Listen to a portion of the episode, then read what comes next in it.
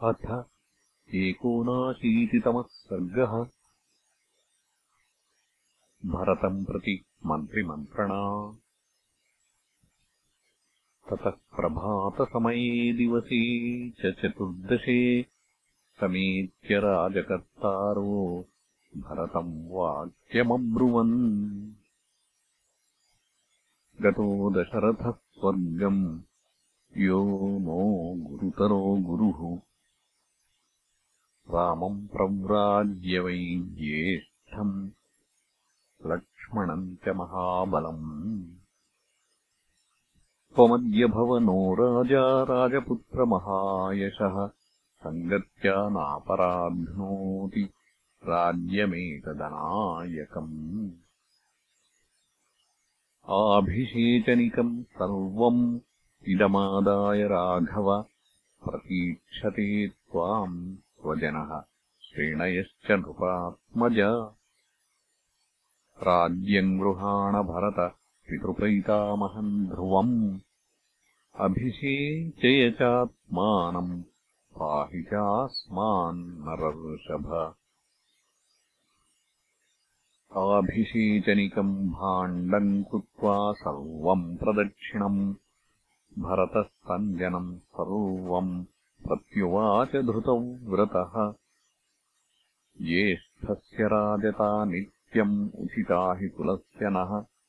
नैवम् भवन्तो माम् वक्तुम् अर्हन्ति कुशला जनाः रामः पूर्वो हि नो भ्राता भविष्यति महीपतिः।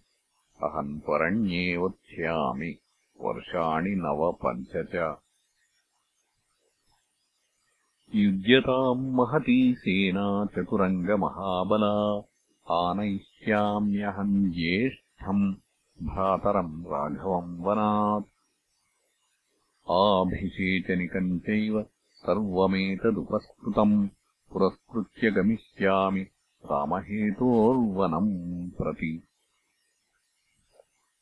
तत्रैव तम् नरव्याघ्रम् अभिषिच्य पुरस्कृतम् आनेष्यामि तु वै रामम् हव्यवाहमिवाध्वरात् न सकामाम् करिष्यामि स्वामिमाम् मातृगन्धिनीम्। वने वक्ष्याम्यहम् दुर्गे रामो राजा भविष्यति।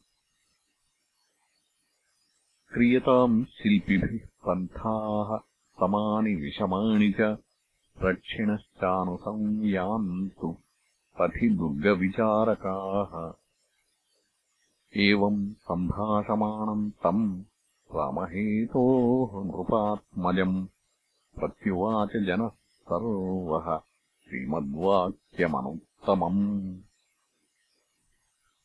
एवम् ते भाषमाणस्य पद्माश्रीरुपतिष्ठताम् यस्त्वम् ज्येष्ठे नृपसुते पृथिवीम् दातुमिच्छसि अनुत्तमम् तद्वचनम् नृपात्मजप्रभाषितम् संश्रवणे निशम्य च। प्रहर्षजास्तम् प्रतिबाष्पबिन्दवो निपेतुरार्यानननेत्रसम्भवाः